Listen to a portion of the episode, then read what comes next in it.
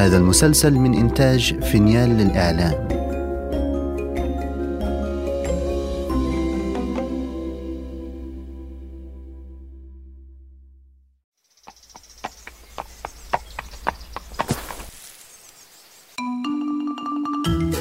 أنا سأحدثكم عن قصص جحا. لا لا تسرحت يا شلهوب. أحتاج لأن أجمع أفكاري. أنا شلهوب. شلهوب حمار جحا. أتعرفون جحا؟ هو حكيم الحمقى وأحمق الحكماء. قصصه لا تخلو من الذكاء والحكمة وفي بعض الأحيان من الحماقة. فاستمعوا إلي أنا لأروي لكم الحديث المحبوب عن جحا في الحقل.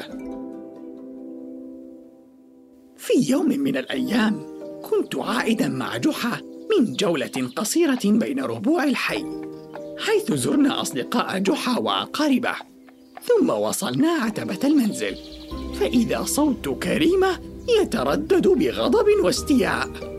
هيا انهض كفاك نوما كفاك بلادة فقد انتصف النهار يا ولد. هذه إجازتي يا أمي. دعيني أسترخي بها أرجوك. سارع جحا إلى الداخل متوجها إلى أدهم الذي يبدو أنه يستمتع بنوم هانئ دون أن يكترث لنداءات كريمة المتكررة. لا عليك يا عزيزتي فدواء أدهم عندي. اقترب جحا من أدهم ممسكا بيده. غدا ستستيقظ مع صياح الديك. لتقضي يومك في حقل العم سعيد مع ابنه عمر بين الزرع والشجر. قلت في نفسي يا لحسن حظك يا أدهم ليتك تطلبني رفيقا لك فكم أحب الماء والخضرة والهواء العذب. ابتسم أدهم فرحا وقفز في مكانه وقال سأستيقظ قبل الديك يا أبي وسأرافق عمر. سنتسلق الشجر ونلعب ونطرب. يا للسعادة! فاستغربت كريمة من الحل الذي اقترحه جحا قائلة لعلك تريده أن يعود إلى عادة الاستيقاظ مبكرا بعد أن اعتاد على الكسل والتأخر في النوم في هذه الإجازة. ثم نظرت كريمة إلى أدهم وقالت في خيبة.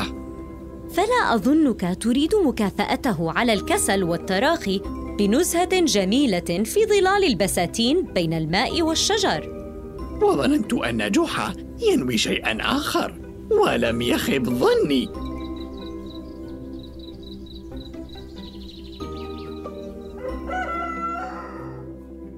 فحين أشرق صباح اليوم التالي ودعبت أشعة الشمس نافذة أدهم التي كانت مشرعة منذ أول خيط من خيوط الفجر. استيقظ أدهم. وأعد له ولجاره عمر فطائر الجبن والعسل. وجهز قربة الماء. وذهبنا جميعا أنا وجحا وأدهم إلى الحقل الأخضر. يا له من حقل جميل. من أين سنبدأ المرح يا صديقي؟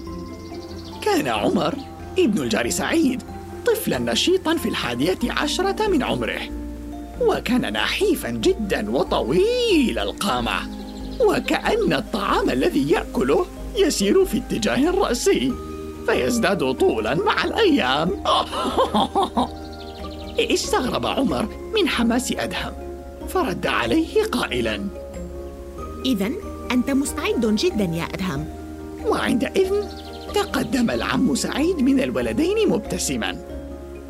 حسنا يا ولدي. عليكما البدء بنزع تلك الأعشاب المتطفلة الضارة من حقل البقدونس هذا. كان جحا قد طلب مني التمهل بعض الوقت ليراقب ما يجري من خلف شجرة رمان كبيرة. وبدأ أن أدهم شعر بالخذلان وحاول التهرب من المهمة. كان بودي أن نبدأ صباحنا في لعبة رمي الحجارة في بركة الماء. يمكنكما اللعب في البركة عندما تنتهيان من مهام اليوم. وبدأ أن عمر قد اعتاد هذا المكان وقد تمرس في العمل. فما كان منه إلا أن أيد كلام أبيه ضاحكا متفاخرا. حسنا يا أبي فما أجمل اللعب بعد يوم عمل طويل. أحسست بداخلي أنني أريد أن أنهق بصوتي العالي ضاحكا من ذلك الموقف الذي تعرض له أدهم البليد وشاركني جحا في ذات الشعور حيث انطلق ضاحكا وقال لنفسه بصوت خفيض أما نحن يا شلهوب فسنظل هنا نرقب ما يحدث حتى ينتصف النهار. وسأستمتع أنا بقراءة كتابي هذا وأنت ستمتعك أجواء الحقل ومضغ البرسيم. وانكب جحا على كتابه غارقا في القراءة وبين الفينة والأخرى تصدر منه التفاتة إلى ما خلف شجرة الرمان ليشاهد ما يجري مع أدهم. وبينما راحت يدا عمر تندسان بحرفية وخفة بين الحشائش للإمساك بالضارة منها واقتلاعها. راح أدهم يتدحرج بتثاقل ليقتلع الحشائش ومعها أوراق البقدونس أحيانا. يا له من مبتدئ. وسمعت عمر يقول لا عليك يا صديقي ستبدو المهمة مسلية حينما نكدس أكوام الحشائش الضارة ونصنع جبلا صغيرا. لكنني بدأت أشعر بالتعب والجوع. وقبل أن ينتهي أدهم من كلامه نادى الجار سعيد على الصبيين ليتناولا ما لذ وطاب من خيرات الأرض. مع إبريق من الشاي الذي تصاعد بخاره والخبز الساخن من التنور. عاد الصبيان إلى العمل بعد أن فرغا من تناول الطعام. وتكدست أكوام الحشائش الضارة. وحينها هتف العم سعيد في الولدين. أحسنتما أيها البطلان. أزيحا هذه الأعشاب جانبا ثم توجها إلى البركة. إن شئتما رمي الحجارة. ثم سار الصبيان باتجاه الجانب الغربي للبركة وأخذا يرميان الحجارة ويستمتعان بصوت ارتطامها بالماء وبمشهد نوافير الماء المتناثرة حولهما. وشعرنا أن بوادر السرور بدأت تظهر على وجه أدهم وتنسيه عض التعب. ثم أخذني جحا جهة أدهم لنصطحبه إلى المنزل. مرحبا يا أولاد. تبدو أني في غاية المرح والسرور. مرحبا يا عم جحا. لقد استمتعت برفقة أدهم اليوم كثيرا. حسنا حسنا. سيكون برفقتك كل يوم. وفي تلك اللحظة لم أكن أستطيع أن أميز مشاعر أدهم الحقيقية. فقد بدا للوهلة الأولى سعيدا.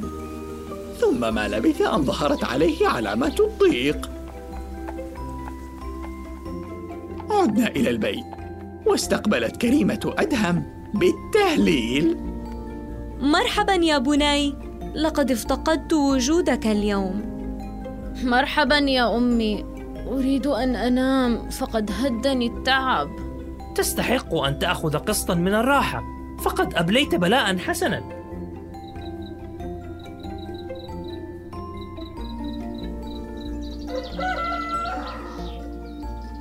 عندما أشرق صباح اليوم التالي وداعبت أشعة الشمس نافذة أدهم من جديد لم يكن أدهم مستعدا كالأمس. فقد كان يشعر برغبتين مختلفتين. واحدة في الراحة والاستسلام والخلاص من العمل المضني والأخرى في الذهاب للحقل ولقاء عمر واللهو برمي الحصى في البركة. أوه. وأخذ جحا يردد على مسامع أدهم. هيا يا أدهم عمر والبركة ينتظران. وهكذا ذهبنا جميعا إلى الحقل لليوم الثاني. وودعنا أدهم ثم عدنا للاختباء خلف شجرة الرمان الكبيرة لنراقب أدهم الذي بدا وكأنه قد أوكلت إليه مهمة عسيرة. يا للولد التعس اليوم خصصت لكما هذه المساحة الصغيرة من الأرض لتحرثاها. أه، لم لا نبدأ صباحنا في الجانب الغربي من الحقل بلعبة رمي الحجارة في البركة. إنها لعبة ممتعة للغاية. ستلعبان بعد أن تنهيا عمليكما. أليس كذلك؟ هو كذلك يا أبي. واصل الفتيان عملهما بدأب. وواصل جحا مراقبته لهما من خلف ظلال الرمان. وبرفقته كتاب جديد هذه المرة. وبدأ أدهم متذمرا وقد سال عرقه وأضناه التعب وهده الجوع. أوف كم هي متعبة حراثة الأرض. هي كذلك يا صديقي. وبينما هما في هذا الحديث جاء صوت الجار سعيد داعيا إياهما لاستراحة خفيفة. وكان قد جهز لهما صينية من ألذ الأجبان والألبان والفواكه. تأمل سعيد إنجاز عمر وأدهم ثم قال أحسنتما. إذا أعطينا الأرض جهدنا أعطتنا الأرض ذهبا. وعاد أدهم وعمر لإنجاز ما تبقى من حراثة الأرض.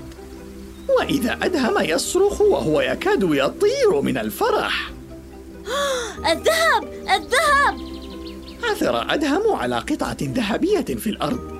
فتحمس الصبيان لمواصلة العمل للعثور على المزيد. حتى انتهيا من حراثة الأرض كلها دون أن يشعرا بالتعب. طبعا يمكن لكم أن تتخيلوا هوية الذي دس القطعة الذهبية في التراب. نعم صحيح. إنه جحا. أدركت ذلك حينما وجدته يرقب بلهفة حصول شيء ما عند حراثة الأرض. وعندما تساءل أدهم لمن ستكون هذه القطعة الذهبية؟ جاءه الرد من العم سعيد. هي لك يا بني. أنت من عثر عليها. وكان بانتظار كل من عمر وأدهم ساعات من المرح والفرح وقطف الثمر والسباحة في البركة. وهكذا انتهى اليوم الثاني. ثم عدنا إلى المنزل فاستقبلتنا كريمة واحتضنت أدهم وهي مشتاقة له فأراها القطعة الذهبية التي وجدها. هي لك يا أمي. أكملي فيها مشروع الخياطة الخاص بك إن شئت. آه دمت لي يا بني. أما قلت لك في الحركة بركة؟ نام أدهم ليلته تلك مملوءا بالحماس لصباح جديد وذهب جديد. وتنوعت مهام اليوم الثالث بين جمع المحاصيل وزراعة الأرض. بعد أن تفرغا من جمع المحاصيل من هذا الجانب سنزرع البذور في الأرض. لما لا نبحث عن الذهب يا عمي سعيد؟ لا تتعجل يا بني. فالذهب ستجنيه عندما تزرع هذه الأرض. وشرع سعيد والولدان يبذرون الحقل ببذور متنوعة ثم يدفنون البذور بالتراب ويسوون الأرض ثم قاموا برش الأرض وبدأ أن أمل أدهم في الحصول على الذهب قد تلاشى. سنسقي هذه الأرض بانتظام وسنقلع الأعشاب الضارة كلما تطفلت عليها وسننتظر الذهب. وتوالت الأيام. ورغم أن أدهم أصبح أكثر نشاطا وأنظم وقتا إلا أنه بات أكثر يأسا لعدم حصوله على الذهب الموعود. وذات صباح نظر إلى الجانب المبذور في الأرض وقد نبت فيه الزرع فقال مندهشا يا إلهي! انظر انظر يا صديقي إلى هذا البساط الجميل الذي يزين الأرض. هذا زرعنا يا عمر؟ هذا ما تعبنا لأجله في الأيام الماضية. ومتى سيكبر ويصبح شجرا؟ علينا الانتظار بعض الوقت. فالأرض تعطينا عندما نعطيها. آه قلت أنها تعطينا الذهب يا عماه. يبدو أنك أسأت فهمي يا أدهم. فليس هذا الذهب الذي قصدته. هنا قرر جحا أن يكشف عن نفسه وقررت أنا أن أظهر معه. فاقتربنا من أدهم والعم سعيد. سمعت حواركما يا صديقي سعيد. وربما حان الوقت ليعرف أدهم سر الذهب. الذهب الحقيقي يا بني هو حصاد تعبك. فقد حرثت وزرعت وسقيت وانتظرت. وغدا تجني الثمار. وهكذا. أدرك أدهم قيمة العمل والجد والاجتهاد وترك عنه الكسل والخمول وأصبح يساعد عمر في الحقل بنشاط وحيوية. فما أجمل أن تزرع بذرة لتحصد ثمره؟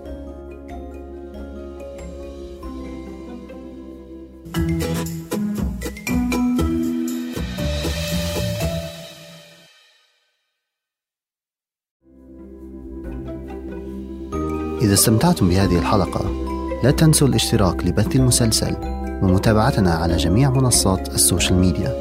التفاصيل في وصف الحلقة.